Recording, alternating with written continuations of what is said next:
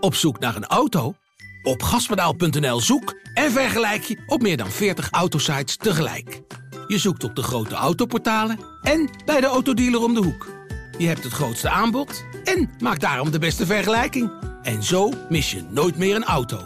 Zoek en vergelijk op gaspedaal.nl.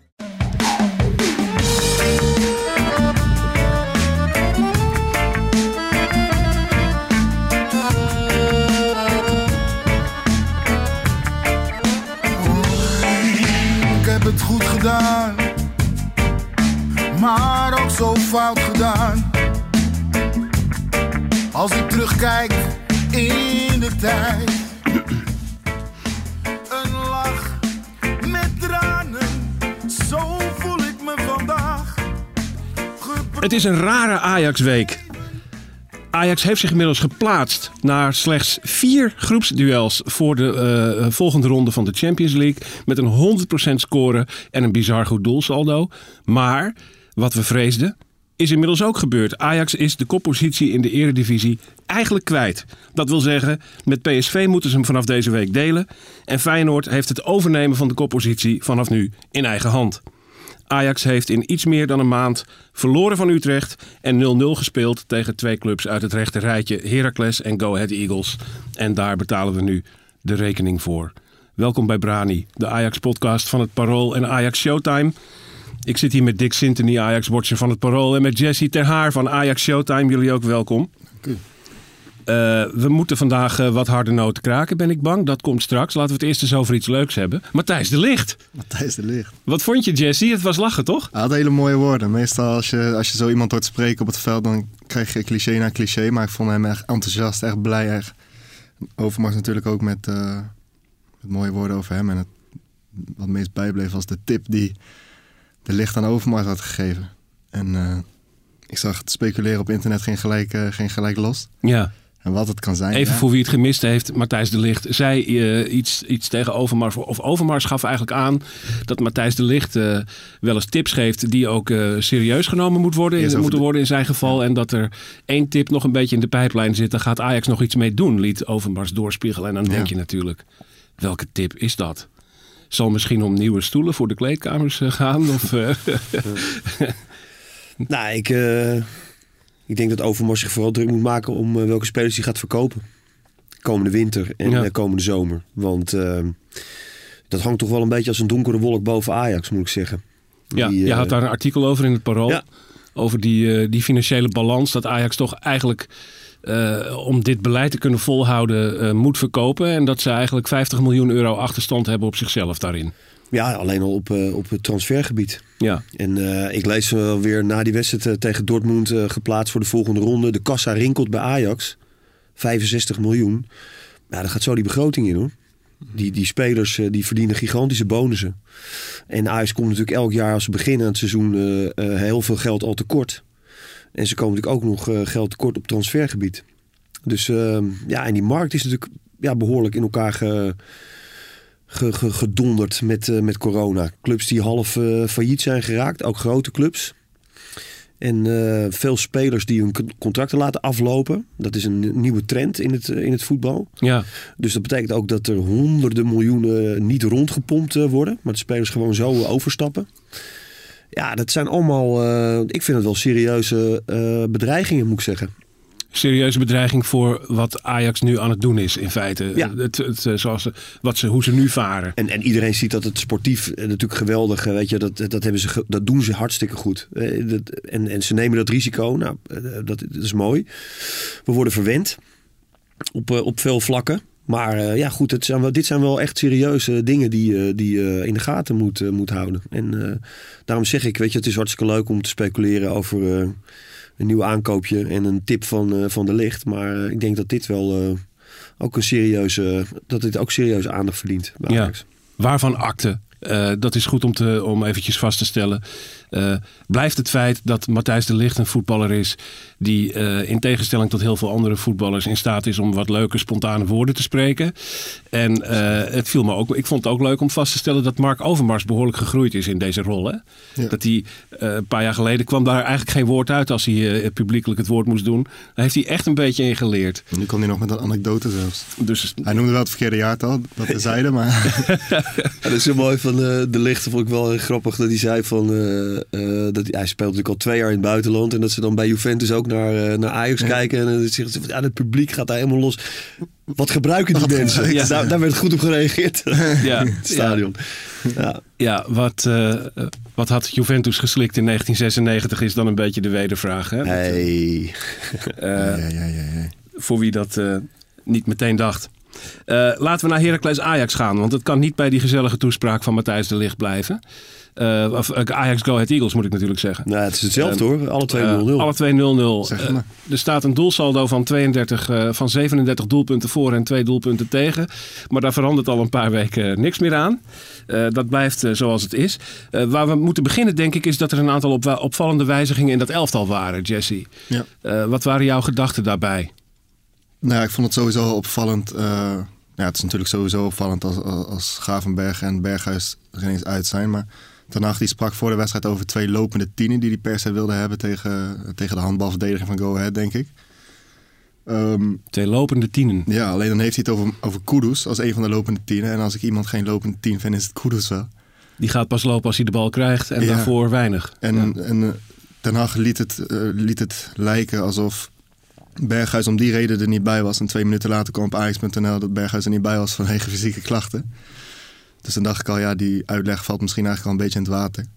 En ja, plus sowieso, ik vind het heel, heel vreemd dat je zegt dat je lopen... Ja, ik vind het niet vreemd dat je zegt dat je lopende tiener wil hebben. Want je moet mensen achter de linie brengen om gevaar te stichten tegen zo'n hechte verdediging. Maar Kudus is geen lopende tien. En dat vindt volgens mij iedereen behalve Ten Hag blijkbaar. En Gravenberg, ja, ik ben benieuwd of, of, of die reserveplek van Gravenberg echt tactisch was. Of dat het te maken had met zijn spel van de laatste weken. Ik, Ja. ik wil niet zeggen dat hij slecht, echt slecht was de laatste weken. Maar echt dominant was hij ook niet. Het is een vormdip.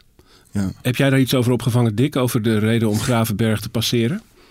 Eh, nee, maar ik denk dat het wel past in, eh, in, in, het, in, het, ehm, eh, in de manier, zeg maar, om, om ook eh, je bank eh, betrokken te houden bij eh, wat er gebeurt op het veld. En, en echt spelers gewoon ook minuten te geven die, eh, die niet zoveel minuten maken. Maar ja, goed, in dit geval, kijk, je zit toch eh, een uur lang te kijken naar eh, Alvarez, Klaassen, Kudus, Haller in die as van het veld, aanvallend. Terwijl je, of je dat nou wil of niet, je moet toch een soort zaalvoetbal spelen tegen een ploeg die zich zo opstelt. Ja. Ze, ze staan echt met elf man op de 16 meterlijn. Ja, weet je wel, de, probeer er maar doorheen te komen. Hoe goed je ook bent. Je, je, je, als je daar zit, dan, dan, dan de wedstrijd schreeuwt om Jesper Olsen. Amin Younes. Eh, ja. weet je, Ja. jongens die echt op de vierkante meter eh, iemand uit kunnen spelen. Anthony is gewoon zijn tegenstander niet één keer gepasseerd. Nee. En, en Tadic doet dat dan sowieso niet. Hè? Dat is toch ook meer een combinatievoetballer. Ja, en in die as gebeurt dat ook niet. Het was zo statisch. Ja, je zou zeggen dat Kudus iemand is die wel een mannetje uit kan spelen. Ja, maar ja, die, die man in zijn rug, eh, bal in zijn voeten, ja, terugkappen, Ja. achteruit. Weet je, geen niet één keer, geen lopende tien. nee. En Maar toch over Gravenberg, denk je dat het toeval is dat Gravenberg degene was die voor deze wedstrijd gepasseerd werd dan? Nee, misschien niet. Maar ik, ik, ik zie het ook niet in, in, eh, in het licht van dat ze ontevreden over hem zijn. Ik bedoel, het is misschien wat wisselvallig. Maar ik vind hem ook echt niet, eh, ik vind hem niet slecht voetballen. Nee, slecht, zeker niet. Ten Hag benadrukte ook dat we het eh, niet moesten zien in het licht van ontevredenheid over spelers. En zelfs ook niet moesten zien als eh, in, in het licht van eh, rust geven aan spelers die dat fysiek nodig hebben. Ten Hag houdt het gewoon bij dit is, dit is roulatie Ontwikkeling van het team. om het team te ontwikkelen en om iedereen erbij te houden. Ja. Eh, dus gewoon wat, wat, wat verschuiven en wat Dick zegt. Speeltijd geven aan spelers die dat weinig krijgen. Maar het is wel. Het is dus wel nu, het is een structureel eh, probleem. Hè? Dus vorige week benoemden we het al. eh, en zei van ja, als Ajax zo doorgaat, dan worden ze geen kampioen. Dat klinkt al heel, eh, ja, weet je, wel, zo vroeg in het seizoen. Ja. En, maar je, je ziet wel bepaalde patronen die gewoon niet kloppen. En dat heeft toch ook wel te maken met, eh, eh, ja, met, met de spelers die je, die je voorhanden hebt en, en die je wil gebruiken.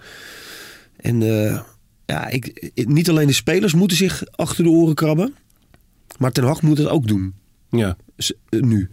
Want hij zal moeten zoeken naar een manier om dit soort tegenstanders Kapot te spelen.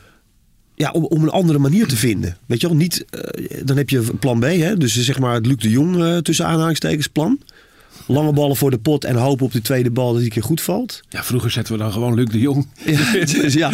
Nee, maar goed. En, en, en of, eh, of, of je moet ehm, bijvoorbeeld gaan, gaan, gaan zoeken naar eh Tadic in de spits, eh Neres aan de ene flank, Anthony op de andere flank, Berghuis en, en Klaassen daar kort achter. Weet je, de andere manieren, andere vorm, andere spelers.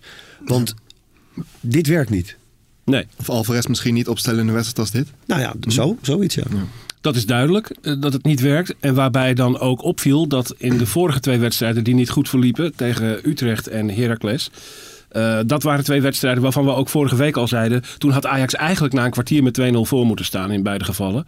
Dat was nu niet zo. Het, er kwam eigenlijk, de kansen kwamen eigenlijk pas in de wanhoopsfase, zou je kunnen zeggen, aan het einde. Ja. Eh, Jesse, wat, wat hebben we voor rust gezien? Eigenlijk weinig, toch? Ik, ik hoorde eh, die bal viel op de, op de knie van Aller bij die, bij die voorzet. En ik hoorde volgens mij de commentator zeggen... dat was de grootste kans van de wedstrijd tot nu toe. Ja, ik heb hem zelf Dus ook, dan zeg je genoeg eigenlijk. ja, ik had hem zelf ook genoteerd. Ja. Die kopbal Dus van Klaassen die voorlangs ging... eh, dat was de eerste mogelijk, mogelijk eh, niet, niet echte kans, maar mogelijkheid zullen we maar zeggen. Ja. En dan zie je ineens Tadic maar een poging wagen van heel grote afstand. Eh, eigenlijk ook nooit zien dat, doen. dat doet hij eigenlijk ook bijna nooit. Geeft ook wel aan dat er dan iets niet helemaal lekker zit.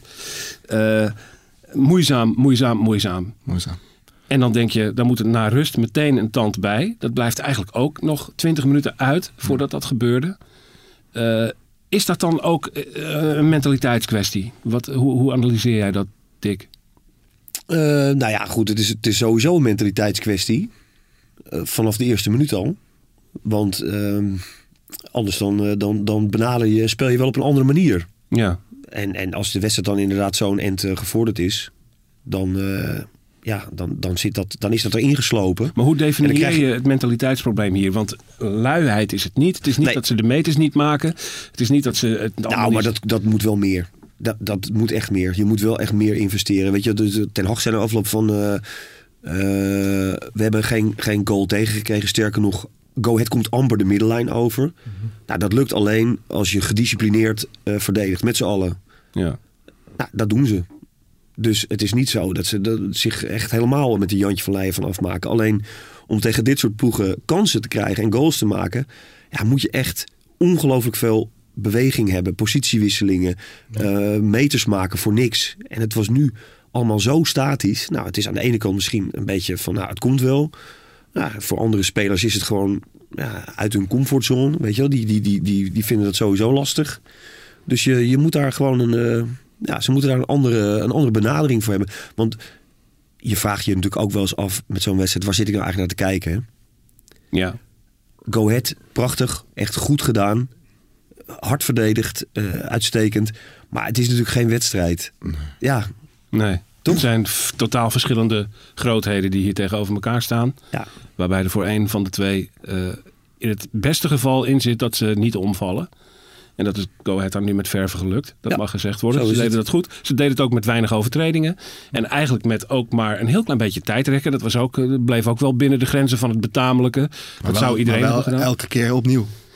Wel korte momentjes, maar wel heel veel momentjes. Natuurlijk, maar wat zouden wij doen? Ja, Eh, ik, ik, dat- ik kan dat, het ook wel eh, begrijpen hoor, maar het was, het was wel aanwezig. Ja, ja dat, dat deden ze natuurlijk wel. Dan valt natuurlijk altijd die term plan B. Hè? Dat er geen plan B bestaat bij Ajax.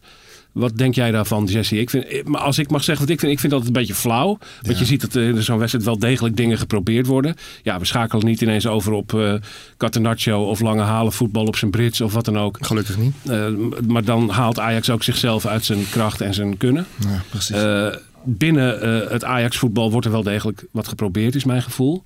Maar vind jij dat er toch iets als een wezenlijk plan B ontbreekt? Dick zegt het er moet iets anders bedacht worden. Ja, er moet, er moet een, andere, een andere opvatting, een andere manier hoe je zo'n wedstrijd ingaat. Want kijk, tegen Dortmund eh, was. Ja, de eerste helft was trouwens ook niet goed, maar dat terzijde. Maar krijg je ruimte zeg maar, om het Ajax-spel te spelen. Maar als je het Ajax-spel niet kan spelen, dus lekker de bal en de voeten lekker met elkaar combineren met korte paasjes, dan uh, dat, dat, dat is leuk. Alleen tegen Go Ahead kan dat niet. En dan Tadic had het er ook over na de wedstrijd dat, uh, dat ze minder korte paas moeten geven. Soms een paas over 15 tot 20 meter. En ik denk dat, ja, ik weet niet of ik het een plan B wil noemen, maar gewoon wel variatie in, in, in het aanvalspel. In de zin van niet elke keer kort, kort, kort, kort, kort. Want dat is ook niet zo moeilijk te verdedigen voor Go Ahead. Ja. Ik denk, denk ook niet dat ze zo heel snel moe waren gisteren. Dus een plan B in de zin van lange ballen op Haller en uh, hopen dat hij goed valt, daar ben ik helemaal niet voor. Maar je mag af en toe wel wat directer spelen. En dat, uh, dat is dan ten Hag om dat voor, voor te bereiden in, in, in, de, in de dagen die hij voor de wedstrijd heeft. Minder breien door het midden. Ja, nee, Jesse heeft uh, gelijk. Dat is, uh, dat is spijker op de kop. En ehm, ja, er verandert ook zo weinig met die wissels. Snap je? Ja. Het gaat eigenlijk met, met andere spelers op dezelfde manier verder.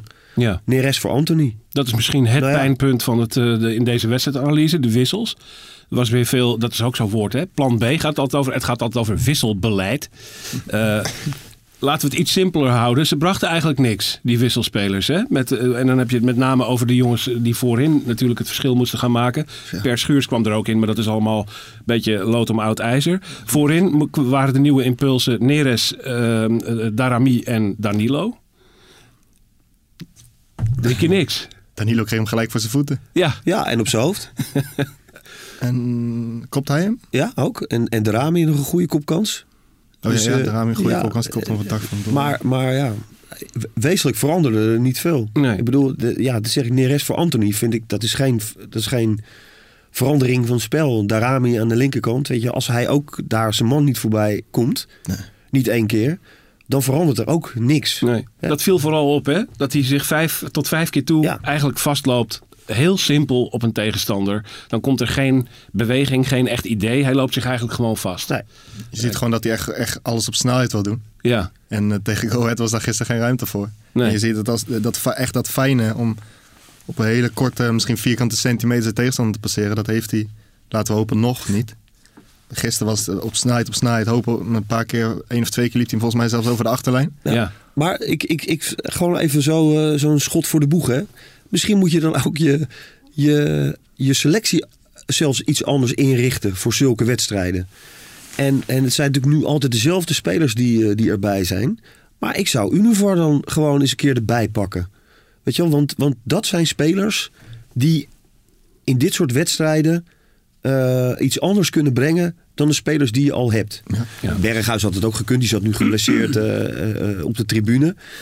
Maar um, ja, dat, dat zijn wel, ik vind dat, dat zijn echt wel overwegingen. Ik vind dat, dat die, die, die staf van Ajax uh, echt bij elkaar moet gaan zitten. Van ja, hoe gaan we dit, uh, hoe gaan we dit probleem oplossen? Ja. Want Go Ahead is echt niet de laatste ploeg die het, die het zo gaat doen. Nee, dat mag en het was ook niet de eerste. Dus je, je, zal daar, je zal daar iets op moeten, iets op moeten verzinnen. Maar toch wel een denkfout ook eigenlijk om te verwachten dat Darami uh, op de linkerflank uh, uh, individuele acties gaat maken en op die manier de boel openbreekt. De man heeft geen individuele actie. Hij is snel op diep, met diepgang. Ja, maar goed, dat is, dat is natuurlijk wel. Je, je traint met elkaar en het zet zich. Hè? Dus Darami die, die is aangetrokken. Die moet ook wennen aan het uitspel. Die hou je erbij. Um, maar het is voor hem denk ik makkelijker om een keer tien minuten of een kwartier uh, in de Champions League in te vallen. Ja. Hè? Met meer ruimte inderdaad. En dat hij kan lopen. Als in zo'n wedstrijd. Dat is voor hem natuurlijk best wel, ja, moet ik zeggen, ondankbaar. Dat is natuurlijk een beetje overdreven. Maar wel lastig. En dat bleek ook. Want, want hij kwam niet uit de verf. Nee, nee. Danilo uh, was een van de mensen die nog een bal op goal kreeg. Die werd van de lijn gehaald. De eerste bal voor zijn voeten. Ja, we hebben, uh, dat was een slap, slap inzetje. Had veel resoluter ingeschoten moeten worden. Uh, Davy Klaassen raakt de paal. Dat is, ja, dat is dus hij had alsnog kunnen vallen. Eh, dat zat er misschien nog, nog best in, in die slotfase. Maar het gebeurde niet. En dan is uiteindelijk zijn de, de complimenten en de bloemen voor Go Ahead. Um, wat mij nog opviel was een moment met Kudus aan de zijlijn. Waarbij uh, Tadic volgens mij mocht ingooien. Eigenlijk een beetje voor de, voor de linie uit. Dus Tadic wist, ik gooi in. En als die bal door een Ajaxiet naar mij teruggespeeld wordt, dan sta ik buitenspel. Dus hij gebaarde al naar Kudus. Speel hem nog niet naar mij terug. Maar jij moet hem even halen voordat hij eh, over de zijlijn rolt. Deed Kudus niet. En toen kreeg hij op zijn flikker van Tadic. Die daar even heel boos over was. En toen ook een, eh, een paar minuten veel stond te wijzen en schreeuwen naar anderen. Toen dacht ik, die, die dat is toch ook niet zo goochem? is het wel een goocheme voetballer van Ajax? eh, nou ja, van Ajax gochme. Nee, ik, ik, ik, het, is best wel een, het is best wel een opportunistische speler. Eh Kudus. Met een, met een groot en sterk lichaam en een, wel toch een bovengemiddelde eh, techniek. Maar het is niet. ehm, het, het is bijvoorbeeld ook geen speler voor, voor een steekpaasje. Of een, of een heel listig balletje of zo. Weet je, kan hij misschien wel geven, maar dat zit niet in zijn. eh, het is niet in zijn DNA. Weet je wel? Het is toch een, ja. ja, iemand die, die, die, die, die veel, veel moet, moet, eh, moet, eh, moet bewegen, in duels moet komen. En eh, ja, dit soort dingen. Ja, dat geeft dan ook wel aan dat, je, dat die spelers in het veld, die er altijd staan, zoals Tadic, op een iets ander eh, level zitten dan, eh, dan de jongens die dan eens even mee mogen, mogen doen. Ja. Ik moet eerlijk, eerlijk zeggen dat ik me ook eigenlijk nog steeds afvraag... wat nu de beste positie voor Koeders zou zijn. Is 10 wel zijn beste positie, vraag ik me soms af. Ik zou ook niet zo 1, 2, 3 weten waar hij wel moet staan, maar op 10 weet ik niet. Wat, wat jij zegt inderdaad, Dick... eh, Alsof je hem dan een te belangrijke taak geeft. Ja, hij heeft niet het, het, het overzicht en het, het gochme of hij laat het niet zien om inderdaad die paasjes te geven die jij zegt. Maar hij is ook niet die lopende 10 die erachter komt als nummer 10. Dus ehm, ik vraag me af of hij eigenlijk wel de juiste 10 is voor het Ajax-spel. Nou, gisteren niet. Hij, kreeg, eh, hij werd heel veel aangespeeld met eh, een man in zijn rug. Ja. En eh, dat ging allemaal, ging allemaal terug en achteruit. En, eh, of het was balverlies. Ja. En dan, eh, dan zie je dat hij dat gewoon niet, eh, of nog niet, nog niet beheerst. Nee, maar, is ook wel iemand die met zijn gezicht vooral naar het doel van de tegenstander moet staan. maar- want hij maakt de loopacties dus niet en hij geeft de steekpaasjes dus niet. Terwijl dat twee types 10 zouden zijn die je kan bedenken. Of Ja. een creatieveling à la Eriksen of een loper à la Klaassen. Maar hij is dat allebei niet. Dus daarom vraag ik me af van, is het wel een 10? Ja. Ik weet het niet. Erik, denk erover na. Als we even uitzoomen een beetje, hè? Eh, even van deze wedstrijd af, maar meer in het algemeen. De, de averij, de schade die Ajax de afgelopen eh, weken heeft opgelopen. Want er zijn dus in, in, wezen eh, zeven punten verloren in iets meer dan een maand tijd in de Eredivisie. Eh, hoe kan het dat dit Ajax ineens zich zo ongelooflijk vastloopt en vastdraait tegen teams die op deze manier spelen? Want vorig jaar lijkt het alsof daar minder problemen mee waren. Ik, ik neem aan dat teams dat vorig seizoen ook deden. En in het algemeen heb ik zelf het idee dat het verschil tussen die Champions League performance en de Eredivisie performance, dat dat verschil vorig jaar veel kleiner was. Dick. Ja, en toen was het stil. Ja, ik, pijnst. eh, Hij- u zou zijn gezicht moeten zien. Ja, ik, ja. Ik, ik denk dat het ook wel te maken heeft met de tegenstanders. Eh, Ajax heeft natuurlijk gewoon eh, in een heel korte tijd zoveel indruk gemaakt. In de Champions League met al die goals en een aantal wedstrijden. eh, waarin het echt, eh hè, Cambuur als, als voorbeeld. Dat, dat tegenstanders zich echt nog meer volledig instellen op, op Ajax. En ook geen enkel risico nemen om, om geslacht te worden. Ja, het lam leggen van de boel. Ja. Ja. En, en ook gewoon weigeren om met meer dan twee spelers tegelijk de middenlijn over te gaan. Dus steeds weer in die organisatie, steeds weer terug, steeds weer. Dus ja, dat, dat, dat vind ik wel opvallend. Ehm, ja, en Ajax is wel in zichzelf gaan geloven natuurlijk. Ook door dat goede begin. Ja, Dus ja, dat is dan de, de mentale kwestie. een beetje te veel in de eigen publiciteit gaan geloven. Ja, ja. en eh, dat hebben we wel eens eerder gezegd. Voor de meeste spelers is die Champions League natuurlijk ook gewoon vele malen interessanter en belangrijker dan eh, de Nederlandse competitie. En ehm, ja, zeker voor spelers die er al eh, langer bij lopen, eh, wordt het misschien niet makkelijker. Ja, ja. Hoe zie jij dat, Jesse? Ik, ik had vorig seizoen altijd het idee dat Ajax eigenlijk gewoon deed wat het deed. En dat was in de eredivisie nagenoeg altijd genoeg voor de winst. Ja. In de Champions League soms niet, tegen Liverpool of, of Atalanta. En nu is het andersom. Eh, maar dat eigenlijk wat Ajax deed, dat dat niet zo ver uiteen liep Nee. in, die, in die twee eh, toernooien. En nu ineens natuurlijk wel. Eh, heeft Ajax in de Champions League misschien tegenstanders die de boel gewoon wijd open gooien? Waar, hoe zie jij dit? Ja, het heeft sowieso natuurlijk met de ruimte te maken. Er is een heel groot verschil. Tegen Dortmund was die er. Ja, die was er. En tegen Sporting en tegen Besiktas misschien minder dan tegen Dortmund. Maar als je het vergelijkt met Go Ahead Eagles... krijgen ze natuurlijk nog steeds zeven ruimte tegen die ploegen. En ja, waarom Ajax dan de oplossing niet weet te vinden tegen, te- tegen Go Ahead, Heracles en Utrecht... ja, dat is wat Dick ook zei. eh, Erik ten Hag moet ook in de spiegel kijken. Hij is degene die dat voor elkaar moet krijgen. En hij krijgt drie wedstrijden niet voor elkaar. Natuurlijk ligt het ook aan de spelers. Hè, want Anthony die speelt sterren van de hemel op momenten. Tegen Dortmund en ehm, tegen Go Ahead speelt hij zijn man geen één keer uit. Ehm, en ook bij hem was het overigens niet dat je zag dat hij heus wel wilde. En hij zette druk en iedereen zette druk. Maar het is een bepaalde eh, urgentie van... oké, ik moet deze man nu voorbij en ik moet dat doelpunt forceren... wat ze in de Champions League wel hebben. Misschien omdat, wat jij zegt, dat de Champions League belangrijker is voor ze. Dat is vast en zeker zo. Maar ja, ik denk dat het daar gewoon een beetje aan ligt. Niet de instelling, niet instelling, want je hoort heel, heel snel mensen zeggen van... ja, ze zijn te lui en gaan werken voor je geld. En daar word ik doodmoe van als ik dat lees. Ja. Want dat, ze, ze werken heus wel voor hun geld, maar ja, toch een bepaalde, bepaalde mindset, ongemerkte mindset misschien. Dus ze gaan echt niet de wedstrijd in van oké, ik ben Anthony, jullie zijn Go Ahead. En eh, ik zal jullie eens even laten zien hoe het, hoe het moet. Ja. Ik, denk, ik, geloof, geloof niet dat hij zo denkt, maar misschien gelooft hij wel in zichzelf, zeg maar. Maar ik geloof niet dat hij zichzelf boven anderen zet. Maar ik denk dat Anthony wel het beste voorbeeld is van wie je gisteren meer had mogen verwachten. Want hij is de man die in zo'n wedstrijd iets kan openbreken, een mannetje uit kan spelen, een balletje bij de tweede paal kan leggen, hebben we gezien tegen Dortmund. Maar ja, Ja, de voorzetten kwamen ook allemaal niet over die go-ahead-spelers heen. Die werden steeds eigenlijk al eh, bij de punt van de 16 meteen onderschept, eh, Ja. le- leek het wel. dus ik vind het echt moeilijk, ik vind het echt heel moeilijk om te zeggen wat specifiek, en concreet het verschil is met, met, met vorig seizoen qua het kapot spelen van die tegenstanders. Spelen ze nog verdediger, zoals Dick zegt, door wat Ajax eh, aan Cambuur heeft laten zien, dat de tegenstanders bang zijn dat dat ook met hun gebeurt. Het zal er vast mee te maken hebben. Ja.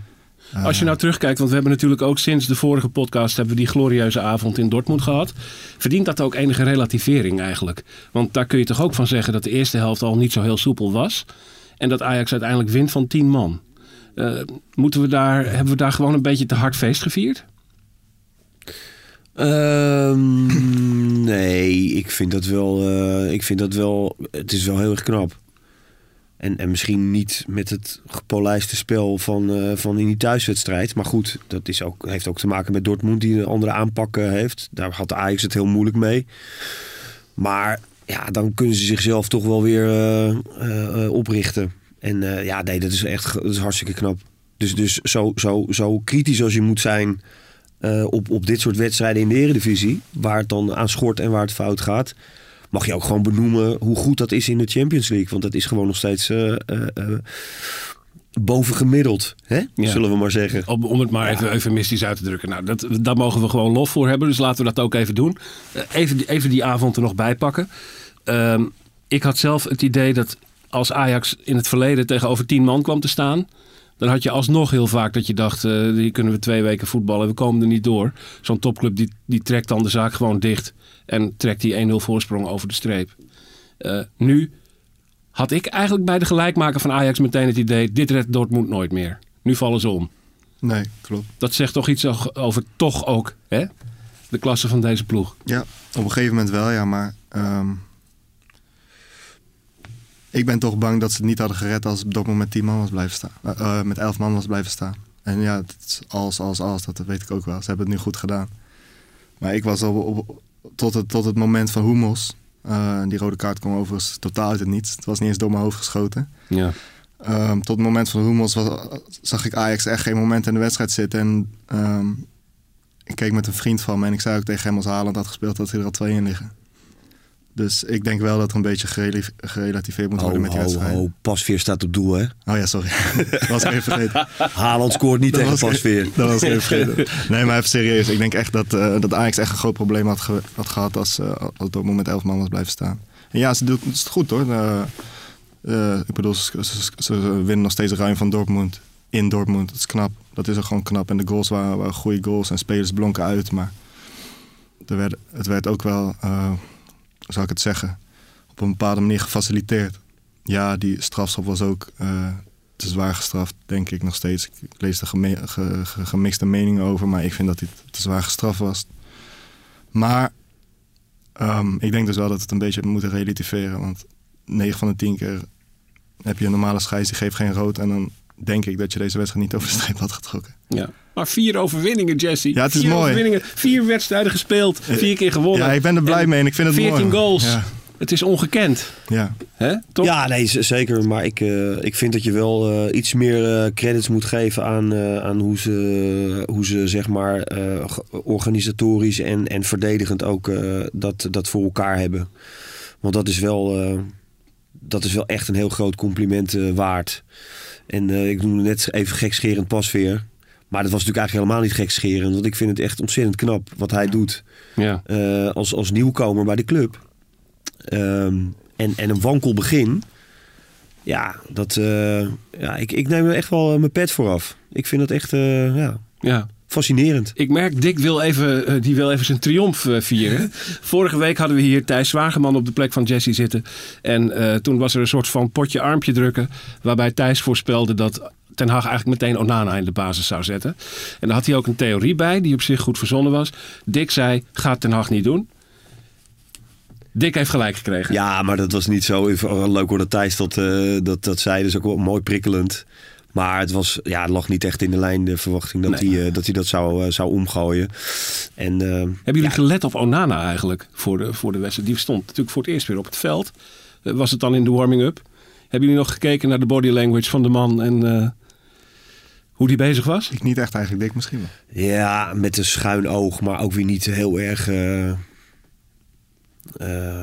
heel erg nauwkeurig. Ja, die staat daar gewoon, die doet zijn ding. Ik, hij is volgens mij ook best wel stoïcijns hoor. Die, eh, ik zag hem eh, tijdens die, die warming-up met het afwerken op doel, zag ik hem ook een paar keer weer eh, heel atletisch en met de rare fratse ballen uit zijn goal halen en zo. En die staat daar met zijn borst vooruit. Dus ja, wat dat betreft, ik vind het, het is ook wel een mooie kerel. En, en een goede sportman en een geweldige keeper. Maar ja, als Pasveer dit niveau blijft vasthouden, dan ja, ik zie hem in deze wedstrijd tegen Go Ahead, weet je wel, toch weer één, één goede redding, Ja. maar ook uit zijn doel. Heel rustig aan de bal, weet je wel. Dus, uh, Goed voetballen. Hij kan goed voetballen. Ja. ja en ik, ik, heb ook van wat mensen begrepen dat het ook uh, in de groep een hele fijne, uh, goede collega is. Weet je, die, uh, die goed opgaat in die, in die groep. Ja, dat is, uh, dat is mooi. Ja. Hij is vandaag jarig, hè? Hij is vandaag jarig. Tenminste, 8, 8 november. Voor wie het uh, vandaag ook terugluistert. Ja. Maandag 8 november. We hij zitten hier op 8 november. 38 jaar geworden. 38 jaar. Gefeliciteerd. Hij... hij luistert, hè? Remco Pasveer. Naar deze podcast. Als ja, je luistert, Remco. van harte gefeliciteerd met je 38ste verjaardag. Is hij daarmee de oudste Ajaxiet ooit in de basis? Nee, want zijn collega Stekelenburg was nog uh, iets van 150 dagen ouder.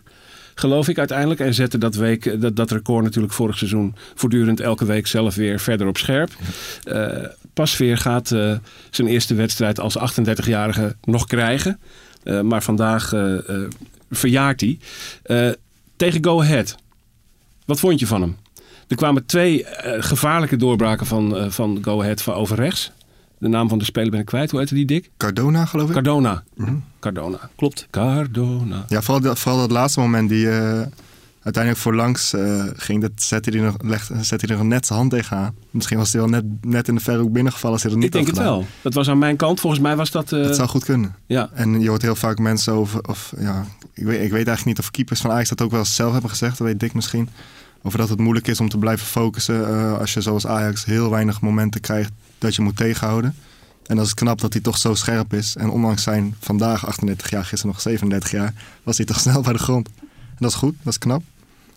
Um, ja, dus ik denk ook uh, dat er geen reden is om hem voorlopig uh, eraan te denken om hem eruit te halen. Ja. Zou kinderachtig zijn. Ja. We krijgen nu interlandbreak. Uh, daar worden natuurlijk weer Ajaxiden voor opgeroepen. Onder andere Nederland tegen Noorwegen gaan we krijgen in deze periode. Divine Range. Moeten we het daar nog even over hebben? Ja, het is wel opvallend. Ik vind, dat is een opvallend verhaal. Vertel het even, Jesse. Ik vind het opvallend dat uh, toen Van Gaal net bij Oranje kwam, toen, toen haalde hij uh, Divine Range bij Oranje. Waar iedereen al best wel gek van opkeek. En terecht, denk ik. Daarna was hij er niet bij en dan weer wel. En dan weer niet. Nu moet hij weer naar Jong Oranje. En uh, En eigenlijk net nu die bij Ajax weer wat minuten heeft gemaakt een paar keer... Zit hij er weer niet bij. kukkelt hij weer terug naar Jong Oranje. En een rode kaart gepakt bij Jong, bij Jong Ajax. Ehm, ik heb het moment, eh, moet ik eerlijk zeggen, zelf niet gezien. Maar ik heb gelezen dat het uit frustratie voort leek te komen. En eh, ja, dan lijkt me het juist moeilijk voor die jongen dat als je bij Ajax je plek kwijt bent, dat je bij Oranje ook de hele tijd heen en weer schippen tussen twee ploegen. Het wordt hem ook niet makkelijk gemaakt op dit moment, denk ik. Ja. Is dat moeilijk voor zo'n speler? Ja, het is hartstikke moeilijk. Want die, ehm, wat, wat er bij het Nederlands elftal en bij Jong Oranje gebeurt, gebeurt natuurlijk ook bij Ajax 1 en Jong Ajax.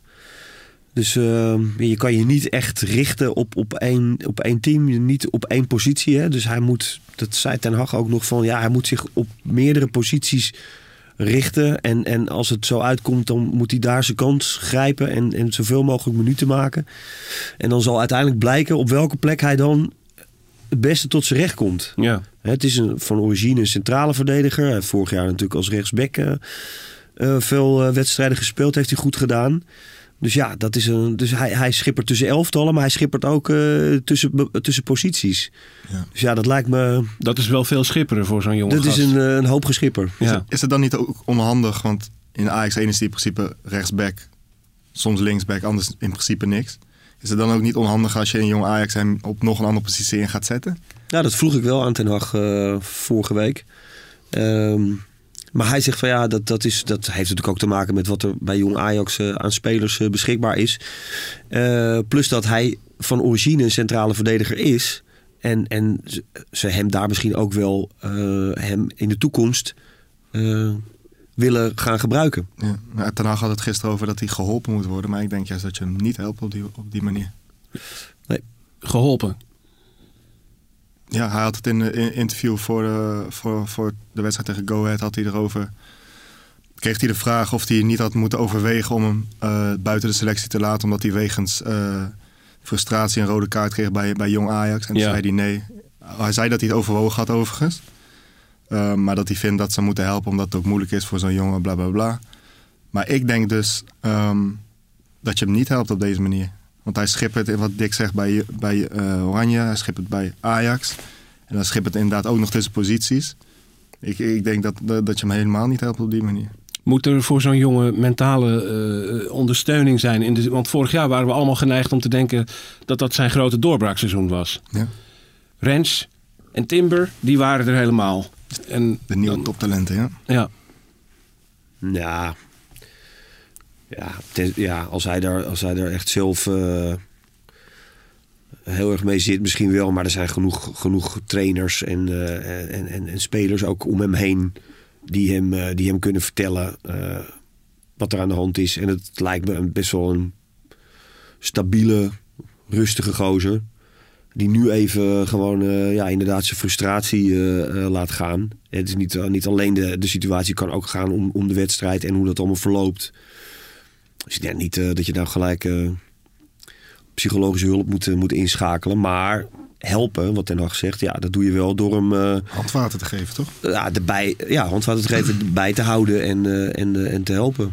Ja. En niet die handvaten. Ik vind juist dat ze hem die op dit moment niet, niet geven. hij dobbert een beetje. Vind Ja. ik wel, ja. Je ze laten hem, ja, we zijn natuurlijk niet bij, maar het voelt alsof ze een beetje aan zijn lot overlaten. Wacht maar tot Mazraoui weer weg is, dan kom jij weer. Ja, ja. Mazraoui eh, hadden we een eh, bijzonder moment op, de, op het veld tegen Dortmund na afloop. Waarbij die eh, door de supporters werd toch Nee. toegezongen. Noesie nog een jaar. En daar stond hij op te lachen en mee te zingen. Toen kwam Mark Overmars erbij, die viel hem om zijn nek. En die zong ook nog even een mopje mee. Ja. Noesie nog een jaar. En vervolgens post de media, de afdeling van Ajax, dat met een soort mededeling van... We'll just leave this here. Want dat doen ze allemaal in het Engels natuurlijk tegenwoordig. Toen dacht ik meteen, dat is eigenlijk een heel goed teken. Want Als het al helemaal uit... eh, als zo'n tweet langs de, eh, door het filter komt. Ja. Het, het, is, het, dat lijkt, dat er- het lijkt me sowieso dat het nog bezig is dat de onderhandelingen dan op zijn minst nog lopen. Anders doet Overmars dat ook niet en doet het mediakanaal van Ajax dat natuurlijk ook Ja. niet. En, eh, Hoe interpreteer jij zo'n tweet, Dick? Betekent dat iets dat, dat er toch een verlenging aanstaande is? Of kunnen ze zo'n tweetje gewoon ook loslaten als er helemaal geen sprake is van, van een verlenging? Ja, Ik vond het een opvallend knipoogje in elk geval. Ik denk dat je vooral naar de meer naar de reactie van Overmars moet kijken dan naar, naar de tweet. Dat als Overmars eh chagrijniger was omdat hij weet dat het niet doorgaat, dan zou hij dat denk ik ook niet doen op het veld. ja, ja, ja nou het kan. ik bedoel, het is, ook, het is ook niks mis mee om eh, bij te tekenen bij Ajax hoor. Helemaal Als je, je kan eh, goed verdienen. Het is, een, het is een mooie club. Maar goed, aan de andere kant, en dat is- ja, daar komen we weer helemaal terug bij het begin van, van, deze, van deze uitzending. Ehm, het is ook wel, voor Ajax is belangrijk dat, eh, dat die spelers bijtekenen. Ik bedoel, dat, dat vertegenwoordigt eh, toch een, eh, een enorme eh, waarde en kapitaal op het veld. Ja. En indachtig jouw verhaal is het in elk Ja. geval belangrijk dat ze niet voor niks weglopen. Kijk, en de- de- die trend is echt gaande. Internationaal. Als je ziet wat, wat voor spelerscontracten er vorig seizoen zijn afgelopen. En, en gratis en voor niks overstappen naar andere clubs. Maar ook het aankomend jaar. Hè, dus van, van Pogba tot Dybala tot Mbappé. Allemaal transfervrij. Ja. Ja, dat, is, dat, is, dat is echt wel eh, een, een serieuze eh, trend. En ik, ik snap hè, eh, de frustratie soms bij supporters. Maar in dit geval van Mazraoui kan ik me ook voorstellen dat je niet zomaar bijtekent. Onana vind ik een ander verhaal. Hè, dat kennen we allemaal. Daar zit, een, daar zit een hele voorgeschiedenis aan vast. Maar voor Mazraoui, ja, weet je, je hebt de clubs waarschijnlijk voor het uitkiezen straks. Ja. En eh, ja, die kans moet je soms ook pakken. Dankjewel, Dick Sintony. Dankjewel, Jesse Ter Haar. Eh, Ajax gaat de Interlandbreak in. Daarna krijgen we RKC uit, Besiktas uit, Sparta uit. En pas op 4 december, over bijna een maand, speelt Ajax weer een keer thuis. En omdat het eventjes een Ajax-luwe periode is, hebben we volgende week op eh, maandag 15 november een verrassing voor jullie. Een Brani special, iets anders dan normaal. Luister dan opnieuw naar Brani.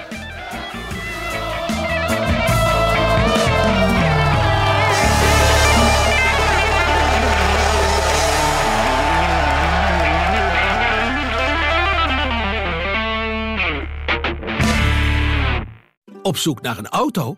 Op gaspedaal.nl zoek en vergelijk je op meer dan 40 autosites tegelijk. Je zoekt op de grote autoportalen en bij de autodealer om de hoek. Je hebt het grootste aanbod en maakt daarom de beste vergelijking. En zo mis je nooit meer een auto. Zoek en vergelijk op gaspedaal.nl.